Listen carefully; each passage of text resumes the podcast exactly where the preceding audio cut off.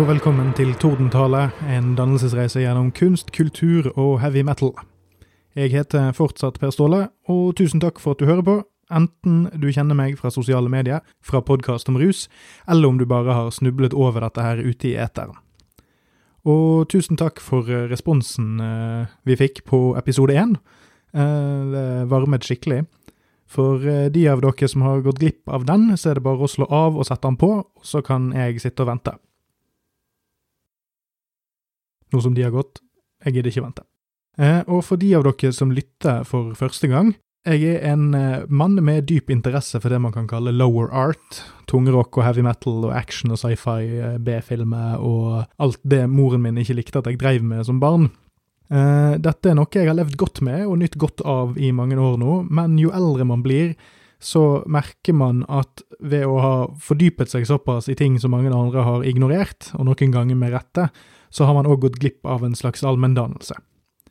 Annenhver episode så kommer jeg derfor til å snakke om noe jeg liker, og annenhver gang så skal jeg snakke om noe jeg har sett, hørt eller lest for første gang, som er en smule mer høykultur. Eh, Vi kan si at dette her er et forsøk fra min side på å prøve å lære meg mer om det ordentlige voksne mennesket skal bry seg om, og så skal jeg til gjengjeld prøve å dra andre voksne ned på mitt nivå. Fortsatt takk til Andreas Kantor for en ekstremt rå intro, sjekk ut bandet hans Brådypt. Han tar òg oppdrag til både borgerlige og kristelige konfirmasjoner. Følg oss òg gjerne på Twitter, at eh, tordentalepod, og på Facebook. Lik og del og alt det der dritet som man eh, skal drive med når man eh, støtter folk som driver med internettbasert underholdning for tiden. Og ta gjerne kontakt dersom du har noe på hjertet. Eller hold godt kjeft. Det skader heller ikke dersom du ikke har noe fornuftig å si. Eh, Og da skal ikke jeg introduksjonsbable noe mer. Eh, Første høykulturverk ut er filmklassikeren Citizen Kane. Så la oss komme i gang her med den første dannelsesepisoden noensinne. Dette blir jo et uh, første steg ut på en lengre reise for meg personlig. Uh, jeg tror ikke jeg har gått kraftig inn for å tette hull, kunnskapshull på denne måten her uh, før, men jeg tror dette her var en, eh, et godt sted å starte, for jeg føler jeg hadde visse tilknytninger til det. eh, Både fra min generelle Altså ut ifra min generelle filminteresse, men òg Altså, det er, en, det er en film jeg har gått og lurt på ganske lenge, så det tror jeg var bra. At jeg valgte dette temaet. Jeg skal komme tilbake til en helt, en helt konkret grunn til hvorfor jeg valgte akkurat Citizen Kane, men eh, akkurat nå så tenker jeg at vi må ta og introdusere dere som sitter der hjemme litt for hva det er jeg prøver på å gjøre her, og hvordan denne typen eh, episode kommer til å, å fortone seg. Fordi i forrige episode så satt jeg og snakket om noe jeg har et langt og fortrolig og inngående forhold til, og som jeg har ganske mye sånn grunnlagskunnskap om, som bare på en måte sitter i ryggmargen. Uh, mens her er det snakk om at jeg rett og slett bare har sett en film som jeg har tenkt å gi dere en slags anmeldelse av. Eh, kanskje ta dere litt igjennom sånn, de tingene jeg har plukket opp, og de tingene jeg likte ved han eller ikke likte, og litt sånne ting. Men det kommer, dette kommer til å bli en litt annen eh, Hvis vi tenker at den forrige episoden, eller de episodene der jeg er, u, driver med ukultur, for å si det sånn, eh, de er nok på en måte mer eh, som oppslagsverk å regne, selv om det ikke er det som er poenget med de. Eh, så, så her må dere regne med litt større eh, variasjon mellom kunnskapsnivået mitt. Det er ikke sånn at jeg kommer til å sitte her nå og lese høyt fra Wikipedia. Jeg har faktisk prøvd veldig godt å unngå å lese meg opp på filmen, for å unngå at uh, jeg blir forpestet. Eller at ideene mine eller inntrykkene mine av filmen blir forurenset av at jeg har sittet og lest, uh, lest meg opp på det. For det er egentlig det, det er sånn jeg ofte går fram med, ting jeg eh, nerder på eller henger meg opp i. Det, at jeg, jeg leser gjerne mye om det og prøver å, å finne Ja, ja altså Jeg går litt sånn his, historiografisk til verks, holdt jeg på å si. At jeg prøver å danne et, et sånt lappeteppe av, eh, av kunnskap da, som jeg prøver å flette sammen og liksom gjøre meg opp en mening, men her kommer det til å bli litt mer off the cuff. Eh, Jeg har lagd noen stikkord så, som jeg har notert ned, og så kommer jeg til å gå litt rolig gjennom det. Eh, og så kommer jeg òg nå i denne episoden til å prøve å utforme noen punkter for hvordan jeg skal prøve å gå frem fra og med nå, da. Fordi eh, jeg kommer jo annenhver gang framover til å enten høre på en, noe musikk, eller lese noe, eller se noe som er klassisk, som er, eller som er regnet som noe av det beste i sin sjanger, i det minste. av, av litt mer modnere og voksnere ting, da er det viktig å Eller ikke viktig, men det, er liksom fint å kanskje ha noen knagger å henge ting på etter hvert, sånn at disse episodene kanskje kan begynne å Strukturen kan begynne å ligne litt over tid, da. Så eh, jeg har lagd noen punkter som, eh, som jeg ikke har på en måte skrevet ned i stein. Det kan godt hende jeg kommer til å forandre litt på de og sånn. Men det, det, punktene mine er på en måte først og fremst hvorfor vil jeg se filmen, eller høre, eller whatever.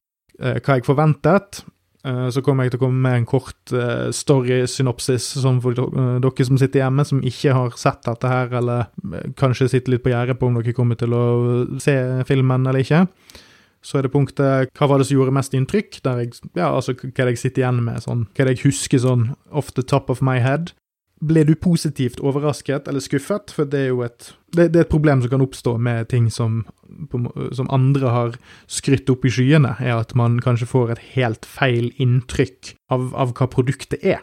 Filmen trenger ikke nødvendigvis å være dårlig, bare fordi at jeg ikke likte den, men måten jeg opplever det på for første gang, avhenger litt av for det første min egen innstilling, men òg hvor beskrivende denne kultstatusen eller legendestatusen til dette verket er. Eller ikke beskrivende, men altså hvor tydeliggjort det har blitt i den offentlige psyken da, om hvorfor dette er en klassiker eller ikke. Det er litt spennende å gå inn på. Så det er jo punktet om jeg likte han eller ikke.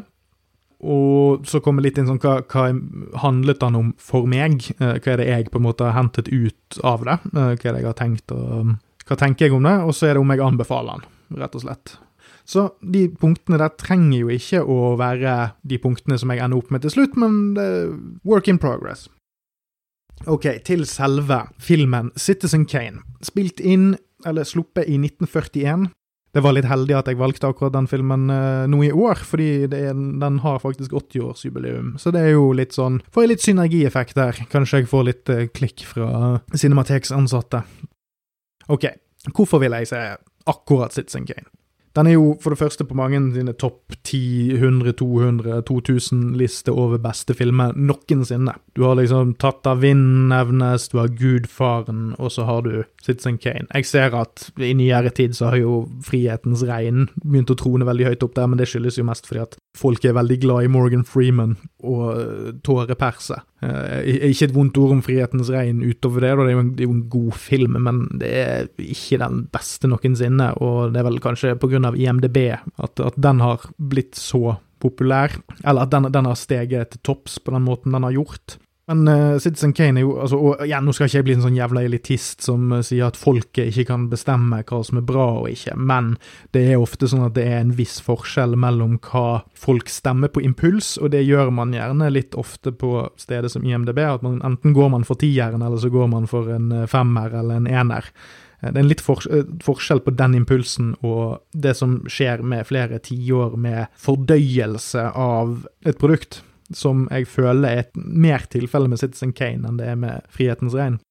Så Citizen Kane er en, en film som er, har fått tommel opp og har blitt satt på en pidestall av eh, forstå-seg-på-ere og kritikere, men det er òg en film som jeg føler har blitt anerkjent. Altså det, eller den har sklidd inn i popkulturen eh, på en ganske unik måte, som ikke, ikke, nødvendigvis er det samme som eksempel filmer som eh, Tatt av vinden eller Casablanca. Altså, jeg føler at Citizen Kane er en film som kanskje har sklidd inn i underbevisstheten til en del av spesielt amerikansk og på grunn av det vestlig eh, populærkultur. På en litt sånn pussig måte. Jeg, jeg, klarer ikke helt å sette fingeren på det nå, men det kan hende at det blir litt tydeligere underveis blitt referert til døde òg. Jeg, jeg, skal prøve så godt jeg kan å ikke gi vekk eh, den største spoileren i filmen. Fordi det er litt morsomt hvis du har unngått det hele ditt liv, eh, så burde du ikke få det spoilet nå, for jeg kommer til å gå igjennom så å si alt det andre i filmen. Så det er, det er spoiler alert generelt. Men akkurat det punktet skal jeg prøve så godt jeg kan, å ikke i hvert fall si beint ut jo, ikke fordi at jeg tror det er så jævla farlig, men ak akkurat her så syns jeg at når det er en av de mest kjente spoilerne i filmhistorien, så er det jo litt gøy hvis det er noen som ender opp med å se filmen og faktisk få oppleve det. Men ok, hva var det jeg forventet, da? Jeg forventet en kompetent, om enn oppskrytt, film. Noen ganger så ser du en film som folk har skrytt langt opp i skyene, og så, og så skjønner du liksom ikke helt hva, hva greiene er. Eh, for eksempel eh, Eller jeg skjønner ikke helt, altså man, man er direkte uenig. Jeg er for eksempel en av de som uh, ikke likte Napoleon Dynamite eller Donnie Darko. sånn for de som er sånn 2000-talls uh, filmnerder. Ikke, trenger ikke være filmnerd engang, men det var liksom det, det, var en periode det var umulig å slippe unna de to filmene. Det var liksom alle sin sånn go to wow, dude, dette er så jævlig bra, og jeg, jeg, jeg så det bare ikke. Jeg kan gå inn på det en annen gang, men uh, Og jeg hadde til en viss grad det samme problemet med The Big Lebowski. Uh, men uh, i, i, det tilfellet så endte jeg opp med å revurdere det etter hvert. Jeg, jeg, så filmen en gang til, og så har den på en måte blitt bedre og bedre for hver gang jeg har dratt den fram. Men det tror jeg òg er tilfellet av bare sånn overhype. Jeg tror ikke det er nødvendigvis sånn når det kommer til Napoleon Dynamite og Donnie Darko, tror jeg det har litt mer med For det første, jeg, jeg syns ikke Donnie Darko er en spesielt god film, punktum. Uh, og med Napoleon Dynamite så er det mer Det er ikke min humor. Så, men, men, det kommer litt an på hvordan folk har presentert filmene til deg. sant? Altså, hva, hva, er, hva er bagasjen du tar med deg inn? når du Når, når, du, skal, når du, skal, se noe, sant? Hva, hva, er det du Jeg ser ofte at, at, folk har en tendens til å nedvurdere filmer fordi at de ikke helt visste hva de skulle se. Så de, de kan eksempel finne på å bedømme en film ut ifra hva vennene deres har fortalt eller hva, hva inntrykket deres var når de leste, leste liksom blurben på Amazon Prime, eller hva enn. Men, men, problemet har ikke nødvendigvis vært filmen, det har vært hva forventninger de tok med seg. inn. jeg har sett flere som har vært skuffet over John Wick pga. det. Fordi de trodde det skulle være tidenes største actionfilm, og så er det egentlig bare en veldig, veldig, veldig kompetent Steven Segal-actionfilm med sjarm. Um, det jeg prøver å si, er at når det kommer til forventninger, så var jeg veldig bevisst på at jeg tror jeg kom til å synes at denne filmen her, altså, var en god film, helt uavhengig av hva jeg sjøl synes, fordi at den, den, siden den er 80 år gammel og har vært en av de mest innflytelsesrike filmene noensinne i minst 60-70 år, så ville jeg alltid hatt en respekt for den, og jeg ville mest sannsynlig ikke endt opp med å rakke ned på den hvis jeg ikke likte den. Eh, men jeg var veldig forberedt på at den skulle være død og uspennende og veldig ja, altså tam, sant? Altså, at, at jeg, jeg, så alt komme, og at det ikke skulle være noen underholdningsverdi i det, og at jeg bare kom til å se, sitte og se på det som en slags sånn akademisk øvelse. Uh, ja, det var, det var, forventningen min. Jeg, jeg, jeg, forventet en kompetent, om enn kanskje ikke oppskrytt, men film. Men altså, en, en solid film som jeg kunne unnskylde at jeg ikke likte, om det henger på greip. Ok, så får jeg gå og fortelle litt om storyen, da. Det er på sett og vis en detektivfortelling med en ledetråd som vi følger gjennom hele filmen. Det er en, det er en rød tråd som trekker oss, og som på en måte binder alle de forskjellige vinklene sammen. Saken er at det er en gammel, rik mann som dør. Han heter Charles Foster Kane. Han er den rikeste mannen i universet, virker det som. Filmen foregår i sanntid, da, så det er, det er tidlig på 40-tallet. Charles Foster Kane har vært uh, avismogul, playboy, politiker, innflytelsesrik på alle felt. Kunstsamler, uh, og han har bygd sin egen private fantasiverden nesten i Florida, som heter Xanadu, eller Xanadu. Som har verdens største private dyrehage og et sånn fornøyelsespalass. Og han har, han har bygd en egen borg der, kunst, på et kunstig fjell. Altså, det, det, det er rikdom forbi enhver fantasi. Men eh, likevel så er filmen godt plantet i det man kan kalle 1940-tallets realisme. altså Det er ikke det. Det er ikke en fantasifilm, sånn sett. Det skal liksom foregå i virkeligheten, på sett og vis. Det er flere referanser til første og andre verdenskrig og sånt. Filmen eh, åpner i hvert fall at han er på dødsleie og, og, er helt alene i soverommet sitt, og så holder han en, eh, en snøkule, og så sier han 'Rosebud', og så dør han.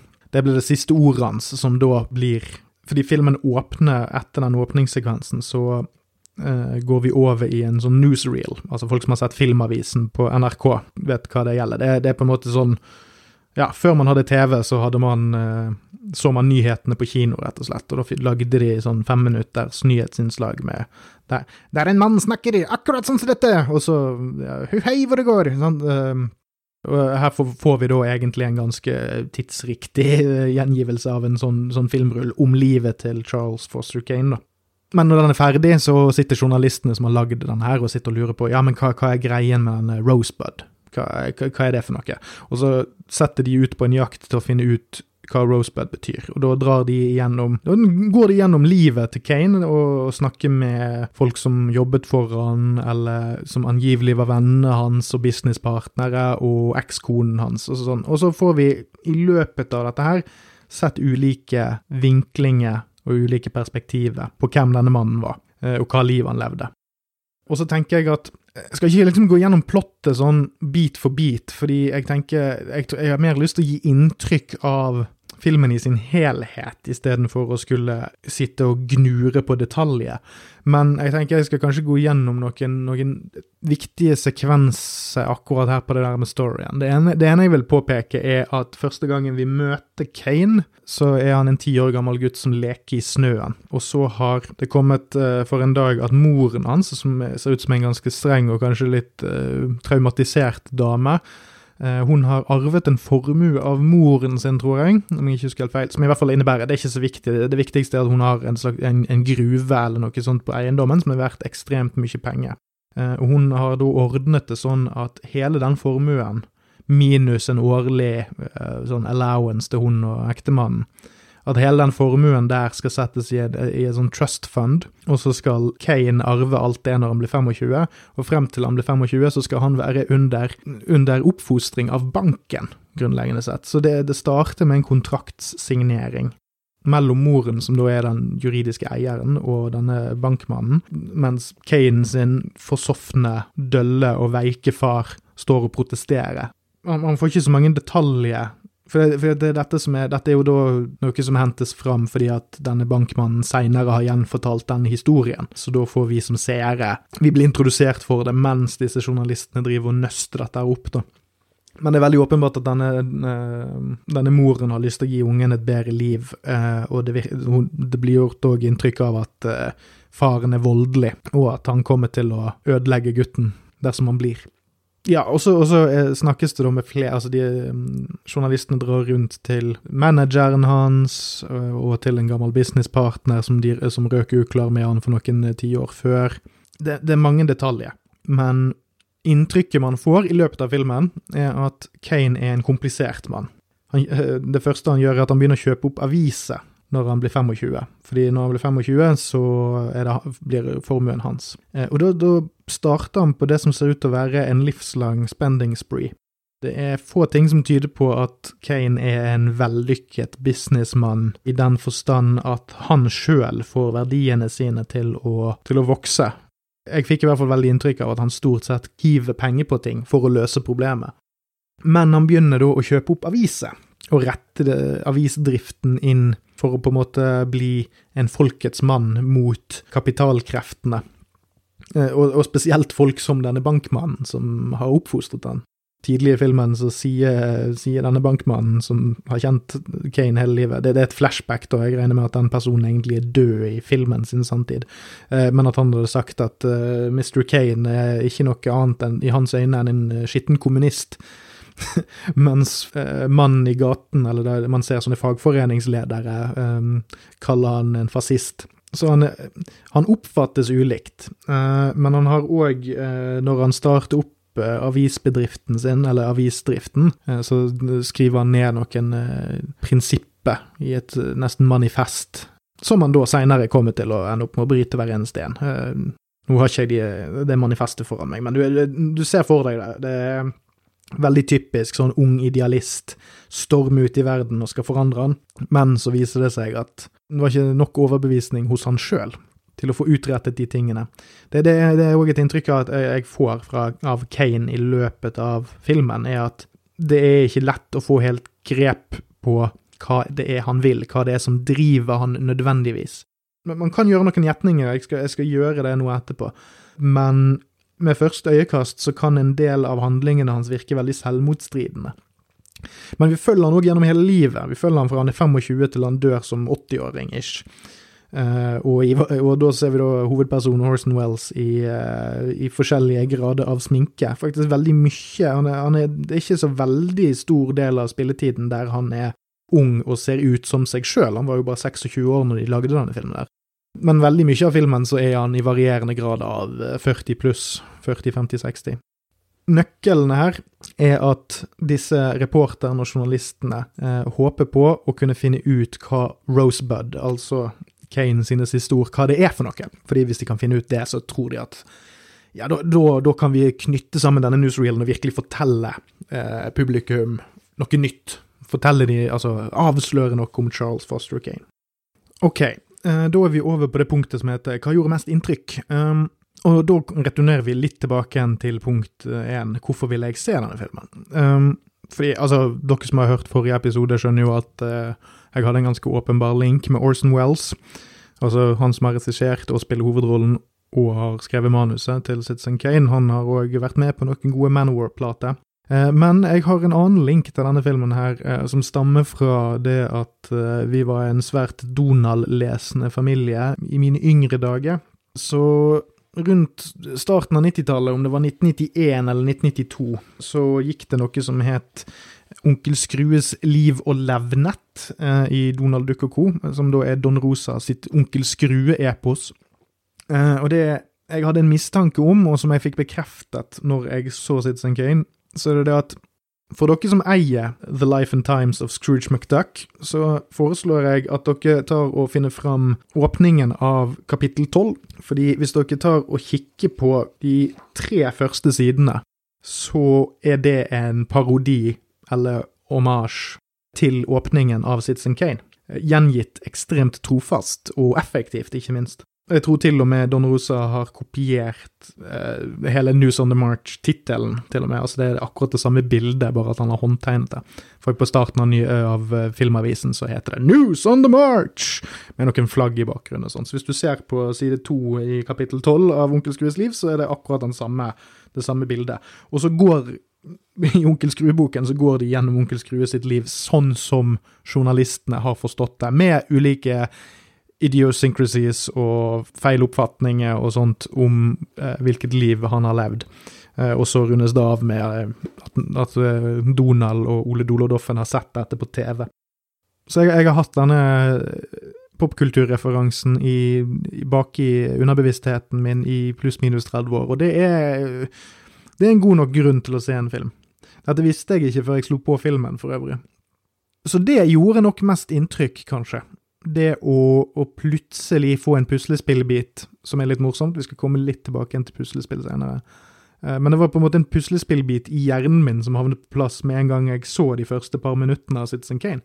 Det var, det var som å, å, plutselig skjønne at masse, masse, tilfeldige ting jeg har observert gjennom flere år, eh, plutselig eh, er fullstendig logisk og sammenhengende. Men det, det, er gjerne sånn hvis du står utenfor en, en intern referanse så kan ting virke litt sånn meningsløst og tafatt. Så um, hvis vi går litt mer sånn generelt videre, altså til selve filmen, hva var det som gjorde mest inntrykk? Og jeg må si, nå når vi først var inne på åpningsscenen, eh, den var skjellsettende, eller skjellsettende, eller hvordan enn du uttaler det.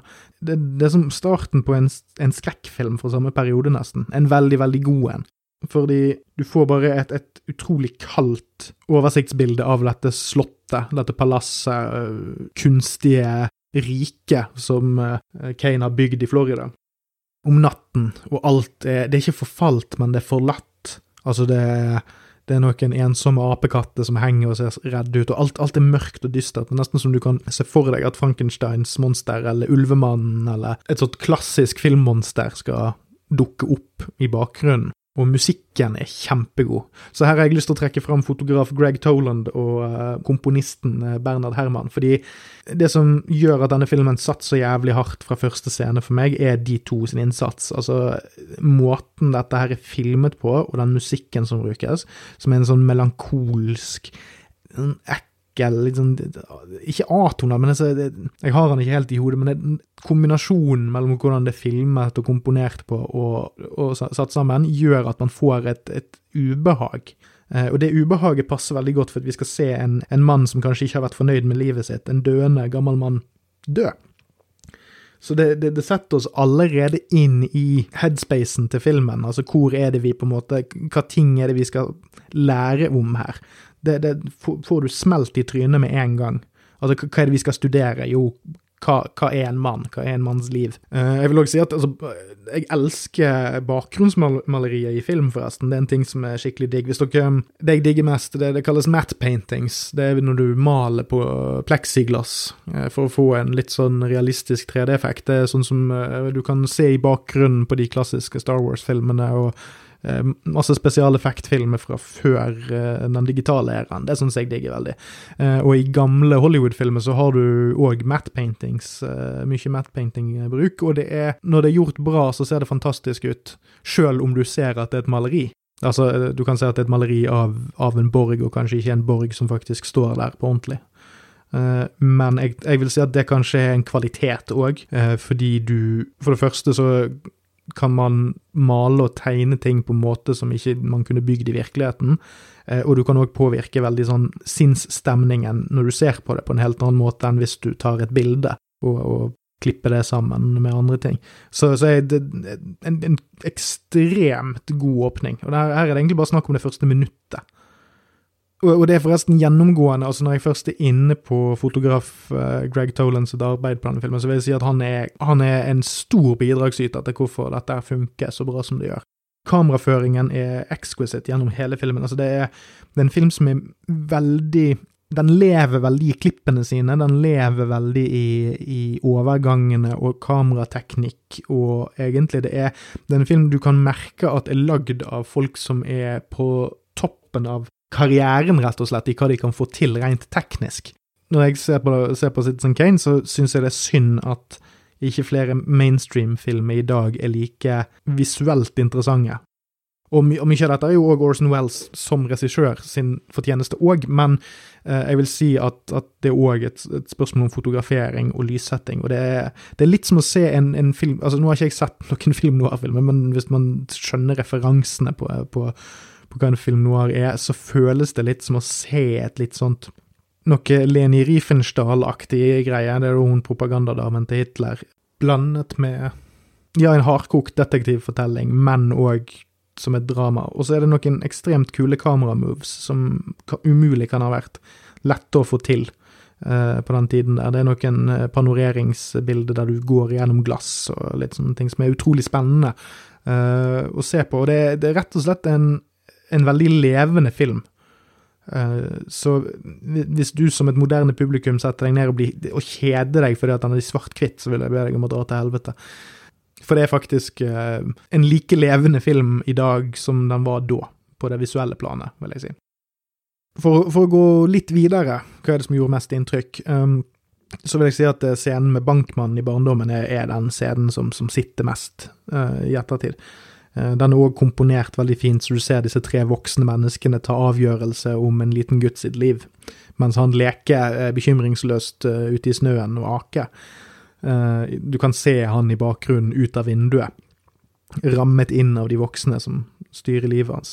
Moren som svikter han, og faren som har sviktet han før den tid, og bankmannen som han kommer til å hate resten av livet, mest sannsynlig det er noe rått med måten den scenen er bygd opp på, og den, er, den, den sier så mye uten å si noe i det hele tatt. Uh, og det syns jeg at nesten hver eneste scene i denne filmen gjør, er at den utrolig nok er det fordi man, man, tror jo gjerne når man ser eldre filmer at subtekst var noe de fant opp i 1974, eh, men du ser her at det er, det er mye mellom linjene, det er mye mellom replikkene.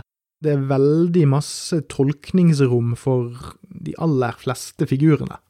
Du kan, du kan, alltid tenke deg til at en figur har en tanke eller en setning han ikke sier, eller som han holder igjen, eller som at han omformulerer noe han mener, han eller hun mener, mens de snakker med andre personer i filmen. Og det er ganske fengende, det er noe som du holder deg litt på tå hev når når du ser filmen. Det er òg en, en, lengre sekvens der Kane, som har Nå kommer vi litt tilbake igjen til Story faktisk. Fordi for å forklare dette her, så må jeg gå litt mer inn i plottsynopsis og sånn. Kane har, når han blir middelaldrende, da er han gift med en kone som har begynt å mislike han fordi at han eh, er gift med jobben, altså avisene. Eh, og så har han brukt eh, makten og innflytelsen sin i, som avismann til å lansere seg som Jeg lurer på om det er guvernørkandidat. Det, jeg, jeg, husker ikke helt i fart, men det er ikke så jævla viktig. Jeg er rimelig sikker på at det er guvernør. Og han har hatt en hatkampanje mot motparten sin, som er den sittende guvernøren, da. Og han har et stort møte i Madison Square Garden med igjen ganske kule spesialeffekter, disse maleriene jeg snakket om. Det, man, det, det ser ut som det er tusenvis av mennesker som sitter og ser på han, eller titusenvis.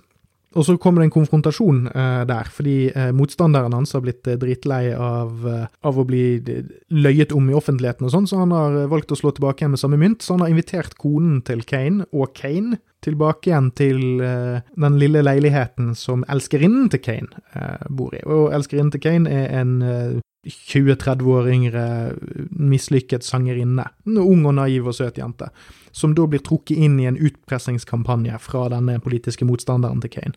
Og det han grunnleggende sier til Kane, er hvis ikke du trekker deg som kandidat i morgen, så kommer jeg til å ødelegge ryktet ditt eh, for evig og alltid, og i hvert fall familien din. Og dette gjør jo òg at han ryker uklar med konen sin, og en, bit, en bisetning her, det er noe som òg har gjort veldig inntrykk. Jeg skal komme tilbake igjen til eh, akkurat dette med elskerinnen. Men uh, det blir sagt i denne introen, uh, altså denne filmavisen på starten av filmen, at konen og sønnen dør i en bilulykke. Den, den konen som nå er invitert til elskerinnen sitt hus og blir og er sjokkert og forbanna. Um, eller ikke sjokkert, fordi hun har vel kanskje mistenkt det i flere år. Men, men det, det, tas aldri opp igjen i filmen, så vidt jeg vet. Jeg tror ikke at Med, med mindre jeg var jævlig sløv når jeg så han, da, men jeg tror ikke at det at han mistet sønnen sin i en bilulykke, og konen, ekskonen, blir nevnt i noen annen kontekst. Hvis jeg har mistet det, så får jeg ta det på egen kappe, men eh, Og det er et eksempel på den typen informasjon som ligger i bakgrunnen her. Ja, men det, det satt i hvert fall jævlig tungt for meg. Jeg, jeg, jeg, lot liksom det at den sønnen var borte, det påvirket i hvert fall veldig mye for meg seinere, og, og, som jeg sitter og kjenner litt på i ettertid, at det er et sånn minneverdig punkt. Eh, men tilbake til denne elskerinnen, fordi at etter at, eh, etter det ekteskapet går til helvete, så gifter han seg med hun, eh, og så, han, og så ender han opp med å bygge et operahus til hennes ære, der hun står på scenen hver eneste dag. Og som han ender opp med å gi en operakarriere ved å få avisene sine til å skrive positivt om henne, selv om hun ikke er på langt nær god nok til å synge opera. Og det som er interessant med denne typen oppførsel fra Kanes side, er jo at jeg tror den første scenen der vi, ser at han, vi, vi får se at han treffer elskerinnen før den utpresselseskampanjen. Uh, og jeg tror noe av det første hun sier, er at moren hennes ville at hun skulle bli operasangerinne. Jeg tror ikke vi får høre noe om at hun sjøl har en veldig stor ambisjon om å bli det. Så Kane ender opp med å gi hun en overdådig gave som hun aldri egentlig har bedt om, sjøl om det virker som om han rettferdiggjør det for seg sjøl med at det er hans eh, gave til henne. Han gir henne et eller annet fantastisk fint. Er den, den typen på en måte maktutøvelse, den måten det ekteskapet går, uh, går i oppløsning på, er òg Altså, den sekvensen med operahuset og hun som operasanger er et lengre segment i filmen som ender med at vi får se hvordan ekteskapet deres løses opp. Der hun òg blir bitter og isolert i dette palasset han har bygd der hun ikke føler hun lever lenger, og han har på en måte på mange vis tatt kontroll over livet hennes og egentlig ikke tillater hun å hygge seg utenfor hans kontroll. Og der hun interessant nok sitter og legger puslespill hele tiden. Det er det hun fordriver dagene sine med når hun har blitt uh, utbrent som operasanger og ikke orker mer, og bare har isolert seg sammen med han. Så han trekker seg òg etter hvert ut av ulike businessaffærer og isolerer seg sjøl òg. Ja, så til slutt kan jeg kanskje si at det, altså, hva gjorde mest inntrykk? Det er jo en, noe jeg egentlig hadde hørt om før, men som jeg helt hadde glemt. Og det er at midt, eller i and, sånn siste akt et eller, et eller annet sted Det er en stund igjen av filmen, men litt, litt godt ute i filmen der, så er det et flashback til Florida. Og da er det en sånn kakato, eller hva det heter, de her hvite papegøyene, som bare plutselig er på skjermen og skriker drithøyt, sånn at du skvetter. Og, og det, det, er noe av det villeste. Det tror jeg er en av de første jumpscaresene jeg har sett, i hvert fall. Sånn recorded history. Det er sikkert mange eksempler før dette, her, men det er det første aktive bruken jeg har sett av det. Og jeg tror det er første gang jeg har sett at noen har brukt det mest sannsynlig for å vekke publikum, for at han har ingen annen grunn til å være der. Det er liksom en fyr som sier noe, og så skal vi få et flashback som foregår i varme strøk, og så bare plutselig er det en papegøye som skriker. veldig kort på skjermen, og så er det vekke. Og det er veldig høyt volum òg. Og jeg skvatt nok inn i granskauen. Uh, holdt på å miste forstanden helt. Uh, og, og, det verste var at jeg, jeg, visste egentlig at dette var Jeg, jeg har sett en sånn YouTube-film en gang som der de snakker om sånn ja, rare scener fra klassiske filmer, og da husker jeg så vidt at det der var tilfellet, men bare, det kom bare helt ut av left field for min del. Så det, det er den siste liksom, tingen som gjorde inntrykk. Neste punkt. Ble jeg positivt overrasket eller skuffet? Uh, selvfølgelig ble jeg positivt overrasket her, det har dere jo sikkert lagt merke til. Uh, det er Noe av det jeg merker, jo at jeg kanskje må strukturere disse spørsmålene litt annerledes. Men eh, drit i det. Jeg ble veldig positivt overrasket. Til sammenligning, for å vise hvor overrasket jeg ble, litt i forkant av at jeg lanserte denne podkasten, så så jeg Casablanca. Altså, jeg var litt på en sånn se gamle filme-run. Og Casablanca er en jævlig god film, som har tålt tidens tann. Altså, det er Men den faller litt innunder den kategorien, eller den forklaringen som jeg hadde litt tidligere, med at det er flere punkt i den filmen der jeg føler at jeg følger med mest fordi at det er en klassiker. Det kan kanskje bare være min egen smak å gjøre, men, men, Casablanca er en film som er god i egenskap av skuespillerne sine og plottet sitt og sånt, men den er ikke på langt nær like interessant som Kane er. Den er mye mindre kompleks. Um, og Casablanca kom ut året etter, så det, dette er to filmer som er begge er klassikere, og som er, om ikke direkte sammenlignbare, så er de i hvert fall De er jo begge i, i samme divisjon, for å si det sånn. Men egentlig vesensforskjellen er bare at Citizen Kane var en film som jeg følte hadde noe å si som traff meg som person. Eh, kanskje noen issues jeg har, eller ikke issues, men kanskje noen altså Alle har jo bekymringer for døden på et eller annet slags vis. Sant? Altså, hva, hva, blir det av oss når vi dør? Hva er det vi eh, Hva er det folk kommer til å si om oss? Sant? Hva, er det vi, er det vi kommer til å legge igjen eh, etter oss når vi forlater denne verden? Og dette er en film som handler egentlig Altså, egentlig. Dette er en film som, som tar for seg det sånn at bare på det nivået så treffer den, og i hvert fall når den starter så melankolsk og dystert som den gjør. Og så blir den veldig munter og morsom, og det er masse, det er masse humoristiske øyeblikk. Nå håper jeg ikke at jeg har gitt inntrykk av at dette er en veldig dyster film fra start til slutt, men det er en ganske Det er noe dystert og litt skummelt som ligger i, som en del av den røde tråden. Uh, det, det, er ikke en film som kommer til å sende deg inn i noen depresjon, eller noe sånt, men det er, det er, en underholdende film som samtidig sier noe dystert og ekkelt. Uh, uten at det blir morbid eller fryktelig. Um, så den er Ja, det var det som imponerte meg mest, hvor, hvor levende denne filmen her var. Og da sklir vi litt over i hva jeg likte og ikke likte med filmen. Jeg likte jo som sagt filmen veldig. Og som jeg var inne på, så er det en film man kjenner en dragning av. altså den hvis du først er med på de første par notene, så dras du gjennom ganske lett. Det er aldri en kjedelig film, selv om den stort sett handler om snakking. I ulike, veldig fint filmede og fint lyssatte settinger en fantastisk scene der den ene journalisten får lov til å gå inn i et hvelv og lese de upubliserte memoarene til denne bankmannen som oppfostret Kane. Det, så det virker som om de har tatt et bevisst valg på at dette er egentlig en snakkefilm, så la oss gjøre den så visuelt interessant som det lar seg gjøre. Det er òg ekstremt mye bra komposisjonsbruk. Veldig mye god, god kontrast illustrering eller kontraster, der eksempel Kane blir framet eller satt i bildet over noen mens han ser ned på dem. Eh, eller at han er fysisk større i bildet ved at han er nærmere kamera mens han gjør en aktivitet, eller et eller annet sånt. Så det, det, er veldig, veldig mye kul og stilig kamerabruk, som kanskje har gått veldig tapt med årene, fordi folk stort sett i dag prøver å gjenskape realisme på film, mens måten filmer som Citizen Kane er lagd på, eh, er mer som et slags sånn mellomtrinn mellom uh, musikk eh, og bildekunstmedie og realisme.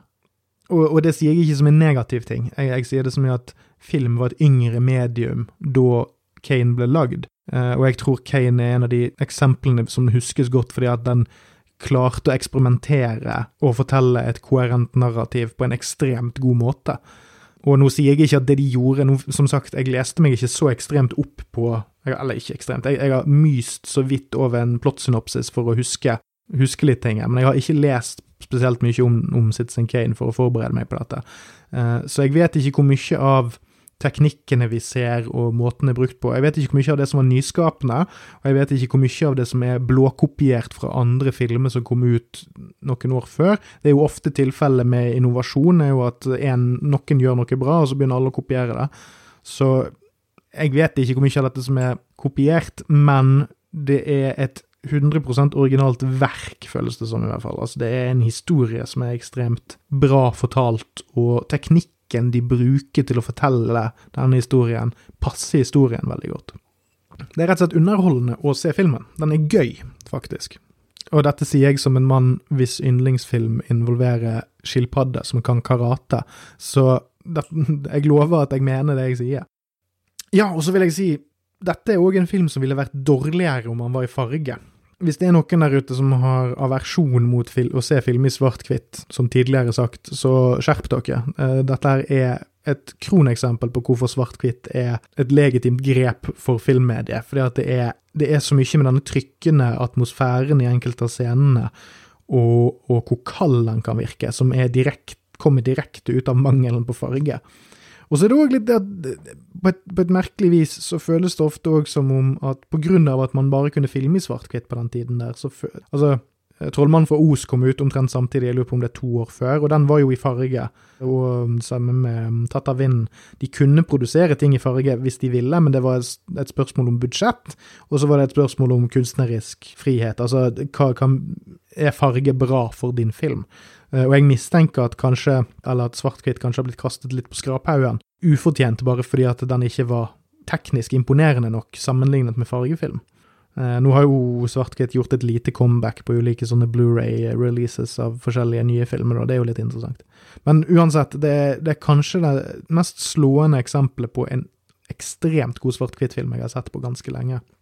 Og, og, ikke minst, altså En av grunnene til at det passer så bra med svart-hvitt, er fordi at Citizen Kane sitt univers er òg gråsone. I tillegg til at det er et kaldt uh, univers, eller et kaldt, men at, at det, man er litt distansert fra, fra fortellingen pga. at du blir alltid fortalt noe andrehånds. Det er ikke nødvendigvis troverdige narrativ hele tiden. Uh, men det er òg gråsone. Det er alltid noen som har en eller annen slags mening. Som jeg var inne på før, du føler alltid at noen ordlegger seg på en gitt måte fordi at de, de kanskje omgår sannheten, eller har lyst til å frem, fremstille seg sjøl bedre, eller, eller noe sånt. Og så elsket jeg skuespillerprestasjonene, spesielt Orson Wells.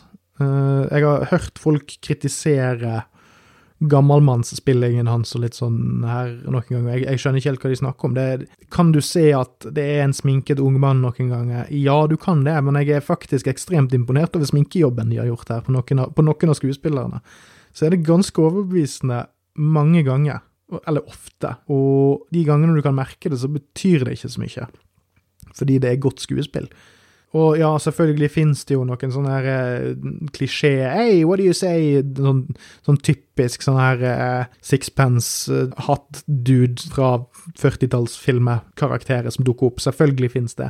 Men av de som på en måte får topp billing her, og som er de mest drevne skuespillerne, så er det ekstremt godt håndverk hele veien.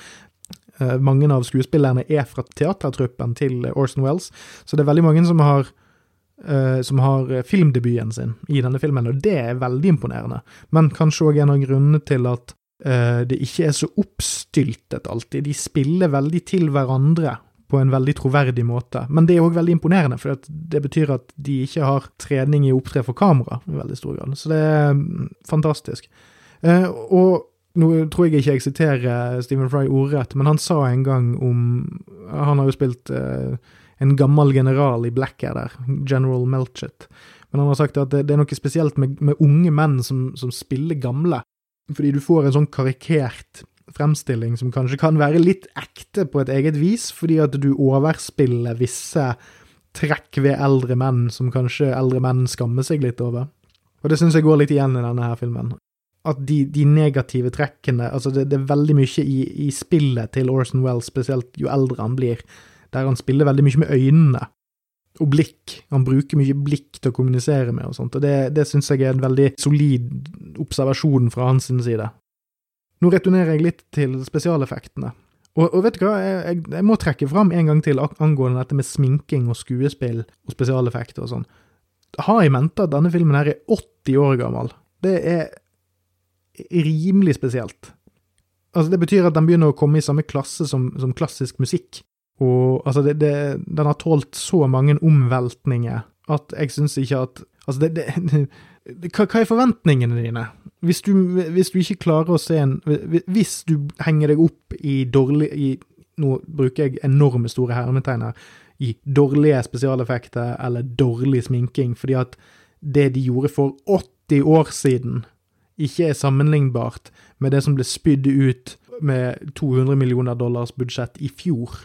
Så, så lurer jeg litt på hva, hva er det du tenker med, og hvordan er det du lever livet ditt?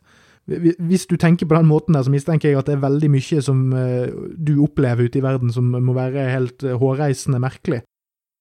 Uansett. Spesialeffektene er som sagt dritgode. Uh, sammenligningsmessig med eksempel en, av de siste klassiske filmene jeg så for en liten stund siden, er De ti bud av Cecil B. DeMille, som er en enormt mye dårligere film enn enn jeg forventet. Kanskje litt på grunn av at Citizen Kane er i svart-hvitt, men Kane, som er 15 år eldre enn De ti bud, har mye mer troverdige spesialeffekter, eh, rett og slett. Ikke like ambisiøse, kanskje, som De ti bud, eh, men jeg vil òg si at eh, og De ti bud virker òg litt mer glorete på grunn av at den er spilt inn i farge og er på en måte en stor blockbuster for sin tid, da.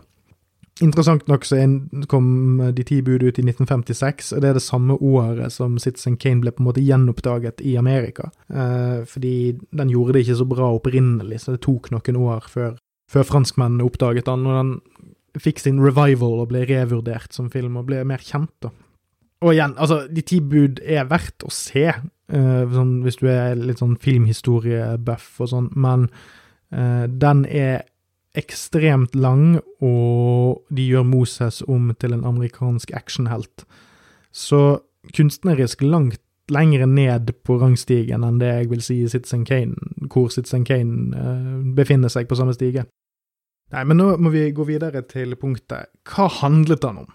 For meg. For å minne dere litt på det, så tenker jeg det at det er meningsløst å sitte og prøve å få ut sine tanker om noe, og så skal du sitte og lese deg opp på hva alle andre syns. Så jeg har skydd som pesten å tolke denne filmen. Så, og det betyr jo at jeg kan jo gå helt i andre retning av, av hva som konsensusen er. Jeg skal kort og godt bare si hva den handlet om for min del. Det er ikke så jævla viktig om det er riktig, det er mer hva jeg sitter igjen med, og hva inntrykket mitt er. Så kan dere avgjøre sjøl. Se filmen, og kom gjerne og arrester meg på hva jeg har sagt. Eller hvis du har sett filmen, kjeft på meg, for all del. Jeg, som jeg har nevnt, så er det en film som lar seeren sjøl få bestemme litt hva den handler om. Fordi den, den, gir et inntrykk på slutten, definitivt. Som sagt, en av verdenshistoriens mest kjente spoilere kommer fra denne filmen. Så du vil definitivt få et svar på spørsmålet som blir stilt i starten, men det svaret er ikke nødvendigvis tilfredsstillende for seeren det bare Det er flere spørsmål du kan stille deg sjøl når du får det svaret. Og filmen legger òg opp til at puslespill er veldig sentralt. Altså det er noe som nevnes eksplisitt av flere figurer, men det er òg lagt opp visuelt av uh, en av ekskonene til Kane, som bruker mye av tiden sin på å legge puslespill. Og man ser det på måten Kane sjøl lever livet sitt. Han ser ut, han drar for eksempel hele Europa rundt og samler på kunst som han kjøper som om at han prøver å pusle sammen et eller annet på den, denne store estaten sin. Som at han, han prøver å, å, få hele verden til å komme til han på et eller annet slags vis. Men jeg vil òg si at filmen handler om kontroll. Fordi Kane han blir på en måte solgt til rikdom. Uh, han blir forlatt Altså, selv om han ikke blir bokstavelig talt forlatt, så forlater foreldrene han Eller foreldrene forlater han for å gi han et bedre liv, eller han blir sendt vekk. Men det er mange ting som tyder på at uansett hvor trist tilværelsen moren hans mente at han hadde, så var det noe som han aldri kom helt over. Eh, så han, han er på en måte satt under, en, under, noen andres myndighet fra han er barn og til han er 25 år. Eh, og det er veldig tydelig at den måten han reagerer på med en gang han får hånd om pengene sine, er å prøve å kontrollere verden rundt seg. Han investerer hardt i aviser og bruker de som propagandamaskiner for hva enn hangup han har den uken, og hva enn han engasjerer seg i den uken. Og han utøver kontroll i, som jeg nevnte tidligere, i hele denne operasekvensen. Han er veldig opptatt av å kontrollere denne kone nummer to, eller tre. Helt til det punktet der hun hater han mer enn noe annet på denne jord. Og det betyr altså det, det er denne destruktive resultatet av å prøve å kontrollere noe som ikke kan eller burde kontrolleres, altså andre mennesker. Eh, og det gjelder jo egentlig hele livet hans, er at han går inn og kjøper seg ut av hva enn problemstilling han har satt for seg. Så jeg vil si kontroll som et resultat av tapt barndom. Så du har tapt barndom, kontroll, nostalgi, ikke minst. Men jeg vil også si at filmen òg til en viss grad handler om en mytologiseringen av Amerika, USA. Fordi han virker som altså, Dette er helt på tampen av altså, dette er den perioden uh, du hadde great men, altså disse Rockefellerne. Altså du, du fikk disse, disse nyrike dyna, amerikanske dynastiene hadde jo vokst fram gjennom disse tiårene her. Men er, det er òg en film som handler mye om amerikanske verdier. fordi at hva, hva, er det som er så stort med denne mannen? Han blir alltid beskrevet som en stor mann, men det dukker ofte opp sånn at det virker ikke som om han noensinne egentlig har gjort noe annet enn å ha masse penger. Som jeg syns er interessant. Er, han gjør ting med pengene, men som han innrømmer sjøl, så er det han, han, er mer god på å bruke de enn å tjene de.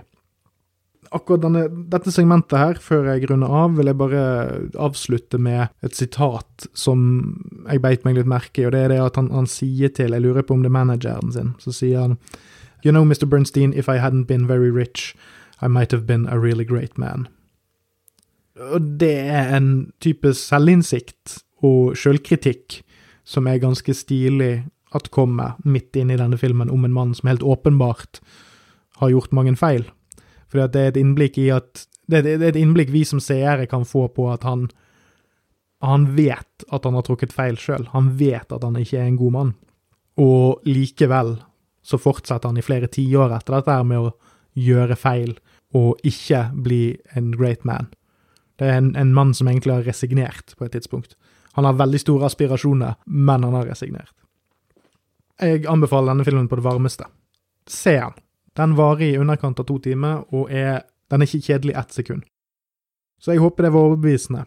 Så jeg tror jeg skal bare si noe. Nå håper jeg at dette her var en lærerik opplevelse. Ta gjerne kontakt. Kom med tilbakemeldinger. Vi finnes på Twitter og Facebook og de fleste podkast-apper. Og, og, om du ikke har lyst til å like og dele, så kan du i hvert fall logge inn og be meg om å dra til helvete. Det er det minste du kan gjøre, syns jeg. Og så håper jeg at dere følger med til neste uke, for da skal vi inn i lavkulturen igjen. Vi skal til det skotske høylandet, det som er fylt med kjærlighet og hevn og flamboyante spanjoler med skotske aksenter. Eh, og jommen meg blir det ikke litt katanasverd og rockemusikk òg. Hør meg igjen neste uke mens jeg vikler meg inn i min egen hjerneråte. Nyt barndommen, nyt vinterværet, ta dere en kjelketur, kos dere. Takk for meg.